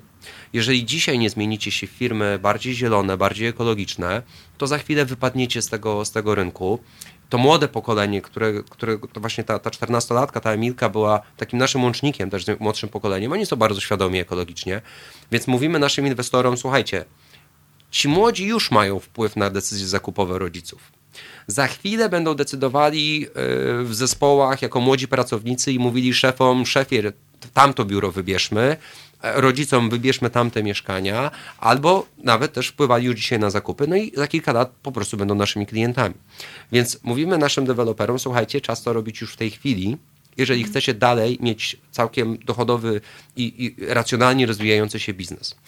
E, nie znaczy to, że e, powiemy nie budujcie. bo to nie jest też naszym celem. Naszym celem jest budowanie i trzeba pamiętać, że, że, że, że w Polsce brakuje i nowoczesnych miejsc pracy i przede wszystkim mieszkań. Jak spojrzymy na statystyki europejskie, to to, co słyszymy z mediów, że nam brakuje 2,5 miliona czy 3 miliony mieszkań, no w zależności od tego, jaką metodologię przyjmiemy, no ale rzeczywiście to jest tak, między 1,5 a 2 miliony tych mieszkań faktycznie brakuje, żebyśmy średnią europejską uzyskali, e, czyli one gdzieś muszą powstać. Żeby zobrazować Państwu, jak duża to jest skala, to powiem, że w samej Warszawie w tamtym roku deweloperzy zbudowali i sprzedali, sprzedali 25 tysięcy mieszkań. 25 tysięcy nowych mieszkań w samej stolicy. Gdybyśmy teraz powiedzieli, OK, nie budujemy w centrum miasta nic, no bo najczęściej te inwestycje wymagają, żeby wyciąć jakieś drzewo, jedno czy drugie, albo naruszyć jakieś, no nie wiem, przyzwyczajenia sąsiedzkie, bo na przykład wcześniej tam był parking e, dla, dla mieszkańców, którzy sobie za darmo parkował, więc teraz mu się nie podoba nowa inwestycja, czyli często nie jest to pożądane przez sąsiadów. No ale proszę sobie wyobrazić, że te 25 tysięcy mieszkań to jest obszar wielkości Legionowa. Co roku musielibyśmy gdzieś pod Warszawą wstawiać nowe miasto, co roku, o powierzchni Legionowa, o wielkości Legionowa, o powierzchni. E, to proszę mi powiedzieć, który las mamy wyciąć. Kabacki, Puszczę Kępinowską czy jakiś inny. I wtedy nie mówimy o tym, że pada jedno drzewo, tylko padają tysiące tych drzew. To, to, to, to jest dużo większa skala tego oddziaływania ekologicznego, kiedy nam się wydaje, że super, bo w centrum się nie zbudowało i zostało jedno drzewo, a na naszych, a po cichu te kilkaset mieszkań, które miałoby powstać w centrum, zostanie zamienione na paręset domów jednorodzinnych pod miastem, do których nie tylko no, ten zabór ziemi jest dużo większy, no bo na metr kwadratowy przypada raptem jedna rodzina, No tak, a nie ale wiele zwróć rodzin. uwagę na to, że mm, osoby, które mm, wybierają z jakiegoś powodu mieszkanie w mieście, y, mogą się nie zdecydować na mieszkanie pod miastem, prawda, Mhm. w domku y, jednorodzinnym z ogrodem. Są jakby różne preferencje. To znaczy to, to że oni nie, nie, nie, nie kupią tych mieszkań w mieście, nie oznacza, że oni kupią te mieszkania czy mm, domy pod y, miastem. No nie, ale oznacza, że gdzieś chcą kupić. Mhm. No bo my te, te budynki budujemy i my ich nie mamy na magazynie, na stanie. My nie, my nie mamy zasobów pustych mieszkań niesprzedanych, które produkujemy nie wiadomo po co. E, My dzisiaj e, sprzedajemy jako branża na etapie dziury w ziemi. Czyli jest popyt. Ludzie chcą Tak. mieszkań, chcą nowych miejsc pracy. I rzeczywiście jest, jest, jest bardzo duża potrzeba. Mówię o tym dlatego, żebyśmy powiedzieli, no bo rzeczywiście, jak myślimy sobie wycięcie stuletniego drzewa, no co za drań. No po prostu tylko i wyłącznie wieszać na nim psy i te dziady dewelopery nic innego, nic innego nie myślą, tylko jak tu po prostu rozwalić ostatni kawałek zieleni w mieście. E, A powiedz, pokazuje tą no. drugą stronę, że, że, że oczywiście my wiemy i, i głośno mówię za to przepraszam, że mogliśmy robić wiele rzeczy dużo lepiej. E, mogliśmy bardziej dbać o tą zieleń już wcześniej. Nam się często zdawało, że czy może za bardzo patrzyliśmy na, na ten nasz dział sprzedaży, który mówił do nas słuchajcie, klienci chcą tak, osiedla grodzonego, z dużą ilością parkingów i ładnymi tojami, żeby nie trzeba było sprzątać e, Liści. e, liści. I my trochę za bardzo jako branża, mam wrażenie, myśmy poszli w to. Czyli świetnie, to odseparujmy, wysoki płot, zróbmy tutaj luksusowe osiedle, e, wytnijmy wszystko, co na nim jest, od nowa posadzimy jakieś tuje w prostej linii, e, do tego większość wybrukujemy, żeby było gdzie parkować samochody, bo, bo tego oczekują od nas klienci. I nie ma trawy. I nie ma nawet trawy, tak. E, żeby nie grali w piłkę, no bo jeszcze przecież krzyki albo okno wybiją. Okno wybiją. Prawda? E, I się babcia gdzieś to wahadło, to wahadło się gdzieś przegięło na szczęście. Dzisiaj z tych, tych lepszych inwestycji, z takich droższych, idzie moda na niegrodzenie. Widać, że to już jest pase, klisze i, i, i naprawdę te najlepsze inwestycje są niegrodzone, a jeżeli są grodzone, to małym płotkiem albo zielenią właśnie. A powiedz, czy myślisz, że przyjdzie, że przyjdzie moda na wynajmowanie, a nie na kupowanie i posiadanie? Dlatego, że Polacy mają taką tendencję do, znaczy po prostu uwielbiają posiadać, prawda? Uwielbiają posiadać mieszkanie, coś na własność mieć, dlatego właśnie kupują. E, czy, no więc też zadłużają się, no i więc potem się zacharowują, żeby spłacić to mieszkanie, tak? To jest jakaś taka strasznie absurdalna pętla, jeżeli spojrzymy na to z, jakiegoś takiej, z jakiejś takiej perspektywy życiowej, prawda? Że, że, że człowiek y, w, w, w tej mocy swojej takiego, czy tym pragnieniu, żeby posiadać to mieszkanie, właściwie w takim poglądzie po prostu, no bardzo takim posesywnym, no nie? Potem, żeby się zadłużyć, potem, żeby spłacać. No to jest jakaś taka totalnie absurdalna spirala. Wiesz, ja, ja, jakby, czy możemy znaleźć alternatywę dla tego? No, no jasne, że znajdziemy no, i, i taką znajdujemy. jak wynajmowanie. Tak jest, znaczy, no bo gdzieś mieszkać trzeba, prawda? No właśnie. To nie jesteśmy produktem, którego można zapakować do pudełka i stawić do magazynu piętrowo, tylko rzeczywiście mieszkanie wymaga jakiejś powierzchni. E, patrząc na rynki zachodnie, to jasne, że tak, my będziemy szli w kierunku najmu. E, udział mieszkań wynajmowanych e, w takich najbardziej, w krajach, gdzie jest to najpopularniejszy, czyli Niemcy, Austria, Szwajcaria, to jest 50% e, średnio, bo to w zależności od, e, od kraju, od miasta, ale rzeczywiście dla tych miejsc możemy mówić o, o 50%. Niektóre miasta Szwajcarii to jest 70-80% mieszkań tylko przeznaczonych na wynajem. E, Natomiast my, myślę, że oderwiemy trochę się, czym jest mieszkanie, i, a czym jest produkt zabezpieczający nasz majątek.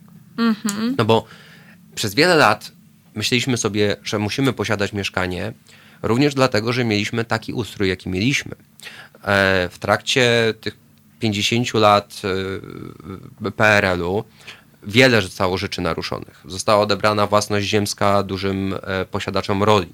Zostały naruszone własności w stosunkach miejskich, prawda, czyli w miastach, kamienicznicy tak zwani, właściciele ziemcy byli wywłaszczani właśnie pod płaszczem, że o, oni mają, im trzeba zabrać, trzeba oddać komuś innemu. Ale nigdy władza PRL-u nie posunęła się tak daleko, żeby naruszyć właśnie tę ostatnią sferę, jaką były mieszkania. No bo waluta była miękka tak, tak naprawdę. To nie, to oszczędności w walucie nic nie znaczyły, bo jutro ta waluta mogła być zdenominowana, ceny mogły pójść w górę parę, parę razy. Dostęp do waluty zagranicznej typu dolary, złoto, to też było niedostępne. Czyli przez 50 lat my mieliśmy utrwalane, że właściwie właśnie mieszkanie to jest ten najtrwalszy bastion takiej pewności majątkowej. I stąd mam wrażenie, bardzo polubiliśmy tą własność, oprócz tego, że może jako Polacy też ją bardziej lub mniej lubimy. To chyba nie ma znaczenia. Natomiast to, co dzisiaj widzimy i co obserwujemy na, e, na, na rynku również jako branża, to jest to, że młodzi ludzie faktycznie mają, za przeproszeniem, w nosie, czy, czy mieszkają u siebie, czy u kogoś. Nie potrzebują mieć absolutnie dokładnie tych kafelek, które sobie wymyślili, tej mozaiki ułożonej nad toaletą i, przepraszam, e, nie wiem, czarnego kibelka, czy, czy, czy niebieskiego, tylko po prostu pasuje im standard ala e, no, Ikea, oczywiście, mówiąc, że standard po prostu, Tak. tak? Przyzwoity, porządny, nie żadne marmury przelewające się. I to jest okej. Ja mogę mieszkać dzisiaj w tym mieszkaniu, jutro w tamtym mieszkaniu, nie ma z tym specjalnego problemu. Tak samo jak się ładnie przysiedliśmy e, z samochodów, czy się przesiadamy z samochodów na, na Ubery, na Bolty, na, na, na carsharingi różnego typu, tak tak samo to będzie się działo w przypadku mieszkań, czyli będziemy coraz bardziej wybierali, że dzisiaj nam pasuje mieszkanie we Wrocławiu, bo tam nam się, nie wiem, podoba lato i będziemy albo, e, albo nie wiem, my lubimy stary rynek i będziemy tam mieszkali, a za rok się przeprowadzimy do Trójmiasta, a jeszcze kiedy indziej pojedziemy do Berlina. E, Czyli to młodsze pokolenie nie ma takiego związku. Parcia na posiadanie, prawda? Parcia na posiadanie, ale też takiej blokady, że jak już mam to mieszkanie, to już choćby nie wiadomo, co się działo, to już go nie puszczę i ja tu mieszkam. B- Rzeczywiście oni, nawet, nawet to młodsze pokolenie często kupuje mieszkania i to co, to, co my widzimy i co jest ciekawe i dobre, że nawet często ludzie, którzy mają, kupują pierwsze swoje mieszkanie, nie mają drugiego, oni to, które kupili, wynajmują komuś, a sami mieszkają gdzieś indziej, bo im na przykład bliżej do pracy, albo do szkoły, albo dzieci odebrać ze szkoły, cokolwiek. Czyli przestaliśmy łączyć, że to moje mieszkanie, to jak komuś wynajmę, to o, to na pewno zniszczą doszczętnie. Czyli odchodzi ten taki strach. E, poprawiły się też trochę przepisy, że jest bezpieczniej dla właściciela, czyli no kiedyś było tak, że jak, e, czy, czy na starych przepisach jest jeszcze trochę tak, że jak ktoś nam przestaje płacić, to naprawdę jest ciężko go usunąć. Te nowe przepisy są już dużo lepsze. Dla nowych umów najmu rzeczywiście e, najemca może podpisać oświadczenie, że on się zrzeka lokalu socjalnego i jeżeli przestanie płacić, to komornik może go rzeczywiście eksmitować wtedy. Czyli poprawia się taka jakby też pewność obrotu ze strony tych, którzy kupili mieszkania. Większe No zaufanie. Większe zaufanie, są gotowi je wynająć. E, więc na pewno będziemy mieli coraz więcej tych mieszkań właśnie wynajmowanych, a to, że to do tej pory był również sposób lokowania oszczędności życia, może nam się zmienić w czasie. I on będzie, bo dzisiaj pewnie to może nadal być mieszkanie czy nieruchomość jako taka, ale widzimy, że czasami to jest nieruchomość e, wakacyjna, widzimy, że czasami to jest działka, widzimy, że czasami to są po prostu inwestycje jakieś typu, no mamy też większe zaufanie do waluty, e, czyli to nie jest tak, że już bardziej wierzymy w złotego, to nie jest tak, jak było za PRL-u. Mhm. Czyli zaczynamy inwestować w różne sposoby e, i mieszkanie to niekoniecznie oznacza, że, że tu mam ulokowane swoje środki życiowe. Najczęściej nadal tak, natomiast widzimy, że to się zaczyna troszkę Czyli nie jest tak, że mieszkania stoją puste w Warszawie? Nie, no te, które my sprzedajemy, to one rzeczywiście bardzo szybko trafiają na wynajem. E, I, i, i widzimy to po ilości ogłoszeń. E, oczywiście, jakby jak patrzymy po hasłach naszych, nazw naszych inwestycji, no to widzimy, że, że jest tego bardzo dużo i, i te mieszkania szybko trafiają na wynajem, e, bo rzeczywiście sporo inwestorów kupuje po to, żeby wynająć. Mhm. Media obiegła niedawno tak, takie hasło, że 70% mieszkań w Polsce jest kupowanych za gotówkę. Półprawda. Czyli to nie chodzi o to, że 7 na 10 mieszkań jest kupowanych za czystą gotówkę, tylko z, załóżmy, z wszystkich środków, czyli my wartość rynku deweloperskiego szacujemy na około 60 miliardów złotych, czyli z tych 60 miliardów około 70% to są pieniądze pochodzące z tak zwanej gotówki, czyli nie z kredytu, czyli to są albo oszczędności kogoś, albo pieniądze od rodziców, albo pieniądze ze sprzedaży starego mieszkania, albo ze sprzedaży odziedziczonego po babci i tak dalej, co oznacza, że też część wzięła kredyty na przykład w wysokości 10%, część w 90% się zakredytowała na, na, na mieszkanie. Więc te 70% to jest taki udział łączny, ile jest gotówki w tych nowych Udział nowych łączny zakupach. całej rodziny. Tak jest, udział łączny całej mhm. rodziny i znajomych. Ale co jest ważne? Dwa mhm. lata temu to było 75%. I zawsze w Polsce ten udział był bardzo wysoki. Dużo wyższy niż w krajach zachodnich, no bo u nas też kredyty hipoteczne właśnie na, na, na nieruchomości zosta- zaczęły być popularne stosunkowo niedawno. To, jest, to są lata 2000, 2000, kiedy faktycznie kredyty hipoteczne zaczęły być szeroko e, udzielane i to bardziej w dużych miastach jest więcej tego kredytu niż w małych miastach, bo w małych miastach raczej się właśnie zbiera od rodziny, ze sprzedaży z jakiejś... Z wersalki z ziemi. Dokładnie, ze sprzedaży działki mhm. e, i, i tak dalej. I wprost przeciwnie do tego, co, co, co słychać w mediach, właśnie w dużych miastach jest mniejszy udział gotówki niż w małych. Czy w małych miejscowościach. A powiedz, Konrad, powiedz nam, czy taką kolejną alternatywą jest coś takiego, co przychodzi mi do głowy, to jest. Um, ja, ja podam przykład bardzo konkretny na przykładzie filmu. Filmu, który nazywa się właśnie Komuna. Film z 2016 roku to jest taki film duński, dramat reżysera, który nazywa się Thomas Winterberg. E, I ten film mniej więcej tak w skrócie opowiada o tym, że małżeństwo, które jest już takie, wiesz, znudzone, takim mieszczańskim, nudnym, zrutyniałym życiem, e, postanawia przejąć e, w spadku, jakoś tak się dzieje akurat, że mm, w spadku otrzymują taką piękną willę, ale nie stać ich na to, żeby ją utrzymać. Mhm. Zapraszają do wspólnego mieszkania członków swojej rodziny, takiej dalszej oraz swoich przyjaciół i dalszych znajomych różnych e, ludzi do tego, żeby wspólnie mieszkać w tej willi. No i oni, wiesz, razem sobie tam gotują, razem się budzą, razem chodzą spać, wiesz, dzielą się jakimiś swoimi sekretami, nawiązują przyjaźnie i tak dalej, takie ściślejsze związki. Ja tak, wiesz, patrzyłam wtedy na ten film, oglądałam ten film, pomyślałam sobie, jakiś świetny pomysł na życie ludzi w fajnym domu, w jakimś takim, wiesz, domu jednorodzinnym. Już nie mówię o willi, prawda, ale o domu jednorodzinnym, w którym po prostu kilkoro ludzi, kilk, albo kilkunaścioro ludzi mieszka, swoich przyjaciół, wiesz, znajomych. Albo może jakieś takie ciekawe osoby, nie wiem, z różnych branż mm. po prostu są pozapraszane do tego domu i tworzą swego rodzaju taką bohemę, no nie, jakoś taką inspirującą się wzajemnie.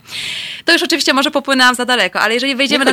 Z, z, jakby pozostaniemy na tym poziomie takim praktycznym, czyli po prostu y, posiadania swojego miejsca do życia, albo po prostu posiadania miejsca, w którym ja mogę przez jakiś czas przynajmniej żyć, mieszkać z ciekawymi ludźmi w takiej fajnej atmosferze, e, czy my, jak wiesz, czy, my, po, po, czy Polacy są w stanie skusić się na tego rodzaju pomysł na życie? I czego by to wymagało? E, jakie warunki musiałyby zostać spełnione, żeby Polacy się skusili na życie w takiej komunie, powiedzmy? E, myślę, że to jest to bardzo szybko jest przed nami, ale właśnie już się trochę dzieje. I tu pewnie nakładają się różne zjawiska socjologiczne. Czyli z jednej strony mamy tęsknotę za akademikiem. No bo to jest trochę takie wspomnienie akademika, że super ludzie, fajny czas, młodość, zabawa, e, podobne pasje, podobne zainteresowania. Zakładam, że w tym filmie akurat go nie widziałem, to też ci ludzie, których zaprosiła ta para, to byli pewnie jacyś znajomi, tak. albo przynajmniej mieli jakiś klucz do bierania, czyli raczej pewnie nie postawili obok siebie e, w jednym pokoju rodziny Amiszów, a obok, e, mhm. nie wiem, imprezowych jakichś nastolatków i jeszcze obok dalej e, bardzo konserwatywną rodzinę muzułmańską, choć to oni też akurat, może byłoby ciekawe. Oni akurat kierowali się takim kluczem, żeby się wzajemnie inspirować, żeby nie było nudno, Fajnie. bo chcieli właśnie zerwać z tym takim nudnym, mieszczańskim, zrutyniałym życiem i wejść w taki właśnie taką czyli, hipisowską komunę, właśnie, prawda? Czyli trochę wspomnienie akademika, trochę potrzeba socjalizacji. Tak? Czyli to co, to, co dzisiaj mamy, czyli z jednej strony coraz bardziej ta nasza technologia, która z jednej strony baliśmy się, że ojejku, to gry komputerowe i internet spowoduje, że będziemy siedzieli w domu, już zupełnie wymrzemy jako gatunek, no bo po co nam będą kontakty międzyludzkie, jak będziemy rozmawiali na czatach, wideo i tak dalej. Okazuje się, że aplikacje wszystkie do spotkań, randek, dzielenia zainteresowań yy, służą temu, żeby jednak się spotykać fizycznie, czyli jednak mm -hmm. ten mhm. pierwiastek socjalności w nas jest. E, I to się nazywa w świecie nowoczesnego, nowoczesnym świecie nieruchomości co-livingiem. E, rzeczywiście w cały, na całym świecie. Współżyciem. Współżyciem, tak. Na całym świecie mhm. powstają takie, e, takie modele. To jest skrzyżowanie trochę hotelu i mieszkania na stałe. Czyli wyobraźmy sobie, że to jest budynek nawet nie jednorodzinny, to jest budynek wielorodzinny w którym jest, e, są jakby niezależne mieszkania.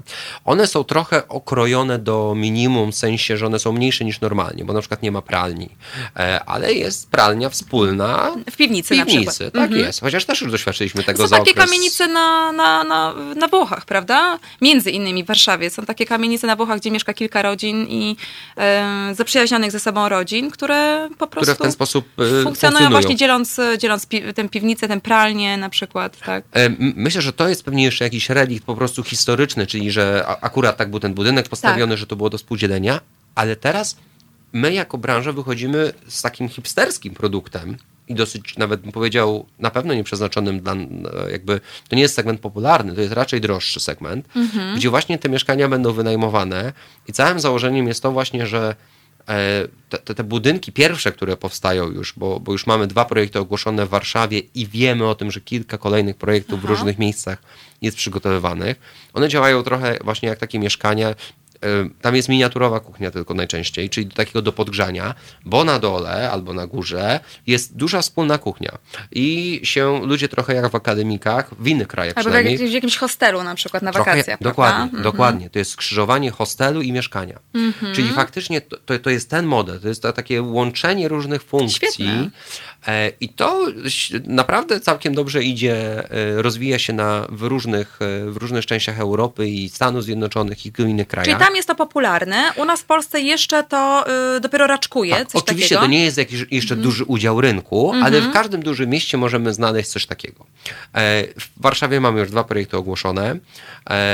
jeden będzie taki przeznaczony pewnie dla osób nawet powyżej średniej zarabiających, ma być z basenem na dachu.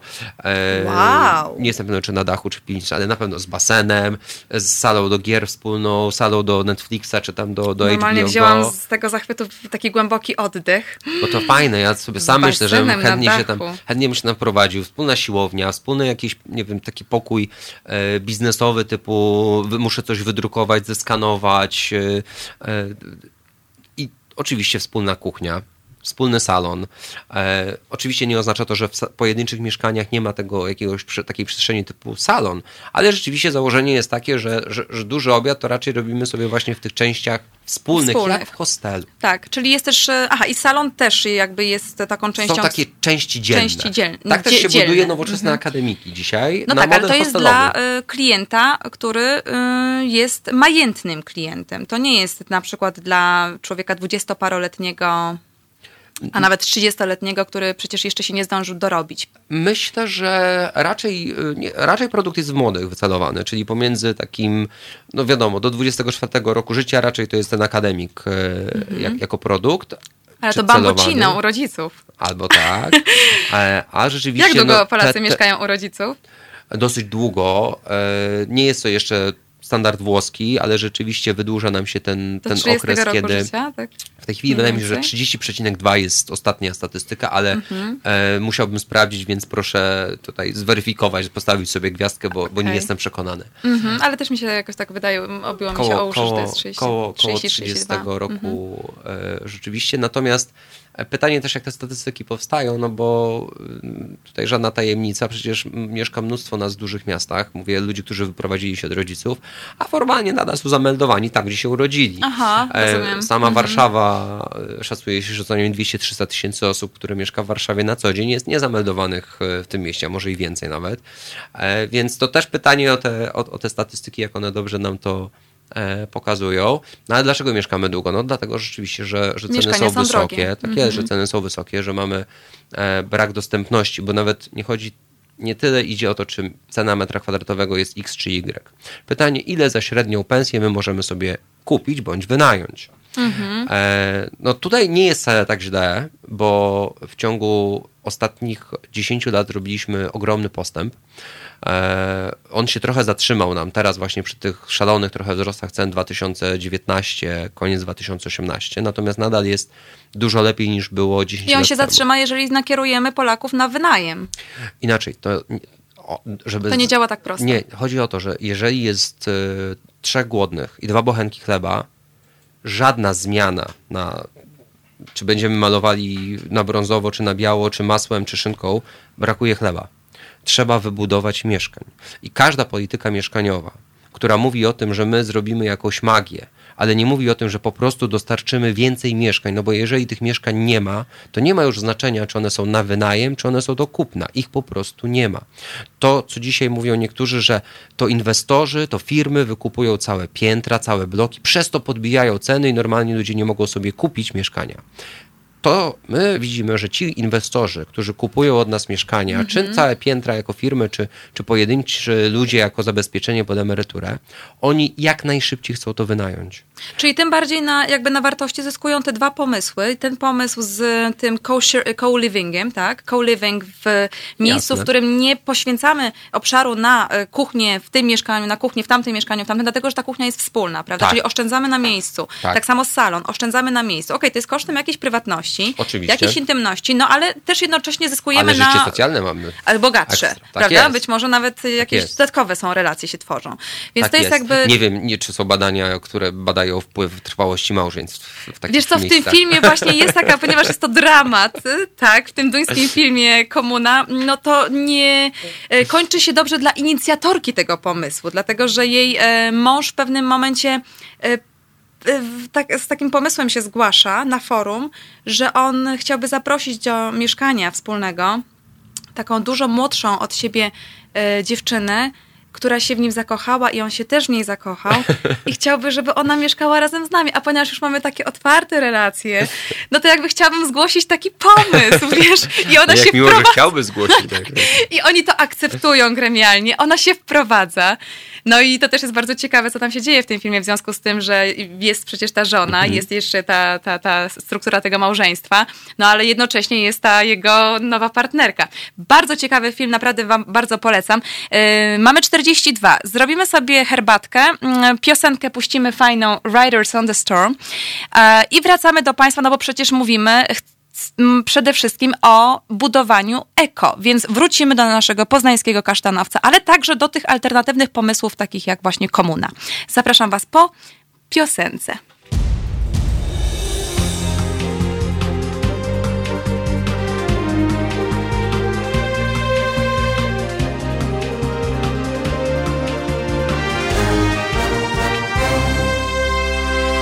Dobry wieczór raz jeszcze. Natalia Wilk-Sobczak z tej strony. I jeszcze przypomnę, kto jest realizatorem naszej audycji. Kajetan Strzelczyk, co bym zapomniała na sam koniec.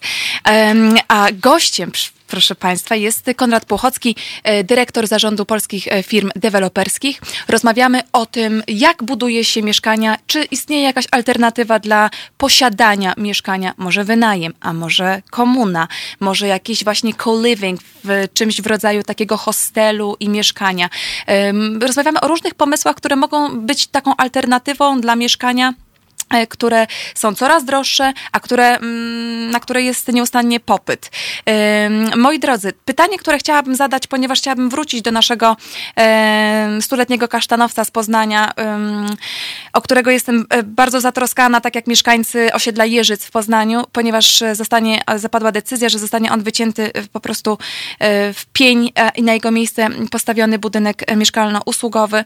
I mam do ciebie takie pytanie, Konrad, czy E, dwa pytania właściwie związane z tym e, case'em. E, pierwsze pytanie to jest takie, mm, jak to jest, że jest, czy mógłbyś to jakoś tak właśnie mm, wyjaśnić, no nie? Bo, bo, bo, bo, część z nas jest laikami w tej sprawie. Jak to jest, że pracownia architektoniczna E, e,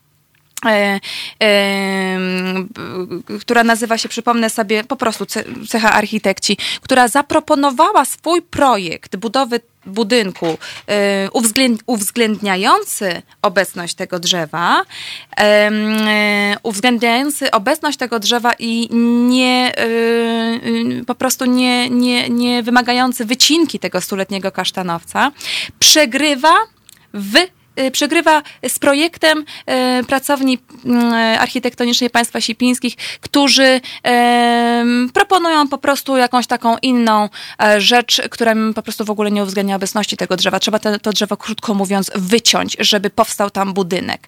I jak to jest, że przegrywa projekt, który jest eko, z projektem, który nie jest eko?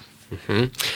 A mówimy tutaj o mieszkańcu Poznania którym mhm. jest stuletni kasztanowiec. Bo ja bym chciała, drodzy Państwo, żebyśmy spojrzeli właśnie na te drzewa, jak na mieszkańców tego miejsca. Dlatego ja e, posługiwałam się, ta odmiana była taka, yy, odmiana była stuletniego kasztanowca, czyli kogo? Kogo? Stuletniego jako kasztanowca, mieszkańca. jako mieszkańca.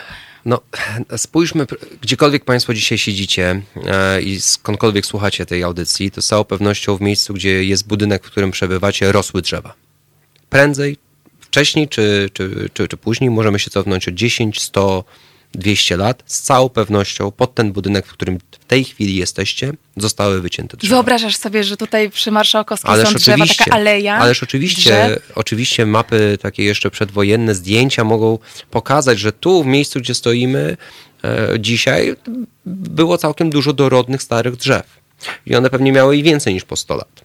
Więc musimy pamiętać, że my też się do tego przyczyniliśmy po prostu, bo to są nowe, to, to są nowe zabudowania. No, no tak, trzeba powiedzieć uczciwie. Się zmienia, tak. zmieniła. Tak. Znaczy, to też zaczęliśmy mówić o tym, co naprawdę jest ekologiczne, jakby żebyśmy nie patrzyli, że jedno drzewo uratowane w tym miejscu przypadkiem nie oznacza setki wyciętej gdzieś indziej, a, a mamy takie pyrrusowe zwycięstwo. Natomiast e, Dzisiaj najczęściej, bo to też warto powiedzieć, dlaczego deweloperzy najczęściej no, wycinają te drzewa, a wydawałoby się, może mogą je zachować. My dzisiaj e, budujemy mnóstwo miejsc postojowych e, w garażach podziemnych miasta narzucają na nas tak duże ilości nowych parkingów podziemnych, no bo wiadomo, starzy mieszkańcy chcą parkować za darmo na ulicy. W momencie, kiedy ta tkanka miejska jest dogęszczana, ale ona powinna być dogęszczana właśnie z punktu widzenia ekologii, bo tam, gdzie już jest infrastruktura, gdzie są drogi, tramwaje, metro, to właśnie tam powinniśmy gęsto budować a nie wychodzić z nowymi budynkami pod miasto, gdzie stoimy w korkach, gdzie trzeba zrobić drogi, gdzie trzeba wyciąć pod linię energetyczną, pod wodę i tak dalej, a często będziemy tam grzali własnym piecem, bo tam miejskie ciepło nie, nie da się dociągnąć. Czyli Natomiast chodzi o to, że dzisiaj te miejsca postojowe, które są dla nas narzucane w ogromnej ilości, to my kupując działkę, które są bardzo drogie. E, sprzedający najczęściej ustala tą cenę działki właśnie mówiąc maksymalnie to tutaj można zbudować taki i taki budynek, no i wy firmy deweloperskie licytujcie się, kto jest gotowy mi tyle dać, bo mhm. ja widzę właśnie, że tu się da zrobić więcej mieszkań i to kosztuje i wtedy ta cena jest za działkę e, coraz wyższa. My robimy najpierw domy dla samochodów, Czyli próbujemy na tej działce upchnąć w garażu podziemnym tyle samochodów, ile możemy, i później dopiero patrzymy, i ile jeszcze do tego możemy dostawić mieszkań. To jest odwrócenie sposobu, my powinniśmy go odwrócić, bo powinniśmy dzisiaj patrzeć, żeby tych samochodów jak najmniej było, żebyśmy je wyrzucali. Żeby się przeorientować z samochodów Oczywiście. na coś innego po prostu. Przesiadajmy się na komunikację szynową, na, na car sharing, na carpooling, na, na, na w Na ogóle rowery. na rowery, oczywiście, przede wszystkim, na komunikację publiczną, rowery, hulajnogi i tak dalej. I to, ta, ta rewolucja transportowa przyjdzie, ale dzisiaj zapewne, żeby włożyć garaż podziemny właśnie w to miejsce, to tam nie da się podkopać pod tym drzewem. To jest niewykonalne. Oczywiście, no, można sobie wyobrazić, tylko wtedy cena metra byłaby nie, nie wiem, 10 w tym miejscu pewnie, tylko byłaby, musiała być 100 tysięcy, żeby zrobić podkop technologią górniczą pod takim drzewem, żeby go nie uszkodzić. To jest, to jest niewykonalne, praktycznie nierealne. Więc być może te parkingi powodują, że niestety ten, to, to, to drzewo tam koliduje. E, No często też chodzi o to rzeczywiście, ile tych metrów kwadratowych nowych mieszkań tam może powstać. E, I to też są pieniądze, tak samo jak ci, ta, ta działka była na pewno kiedyś przez kogoś sprzedawana, ktoś wystawił ją w przetargu, inne firmy też konkurowały o tą, o tą działkę na pewno, czyli sprzedający powiedział, no ale zobaczcie, tutaj jak to się usunie, to więcej mieszkań, metrów kwadratowych, czyli ta działka już dzisiaj jest, jest droższa i faktycznie no co tu dużo oszukiwać się, bo to też trzeba powiedzieć, tak, deweloperzy też pracują jak każdy, każdy przedsiębiorca dla zysku. I tu- Konrad, ostatnie pytanie, bo mamy mało czasu. Yy, krótka odpowiedź. Czy stuletniego kasztanowca da się jeszcze uratować? rozmawialiśmy z ekspertem naszym od Eco Avengers, powiedział, że od roku do trzech lat przygotowań małe szanse, nie dałby więcej niż 25%, jeżeli fizycznie w ogóle jest jak go przewieźć, ale powiedział, że prawdopodobnie ze względu na linie energetyczne, mosty, wiadukty, w ogóle fizycznie jego się nie da pewnie przetransportować i mówi, być może po trzech latach przygotowań dałby 25% szans, ale raczej marne szanse, żeby tak stare drzewo mogło być przesadzone, bo rzeczywiście przesadzanie to jest oczywiście sposób dla młodsze drzewa. Dziękuję Ci bardzo, Konrad, za tę rozmowę. Dziękuję, że wpadłeś do nas i podzieliłeś się z nami swoją wiedzą. Ja Moi dzięki. drodzy, ym, jeszcze raz dziękuję, Konrad. Dziękuję. E, Dziękuję Kajetan za realizację. No, ja nazywam się Natalia Wilksowczak i pozdrawiam Państwa bardzo serdecznie. Dobrego wieczoru.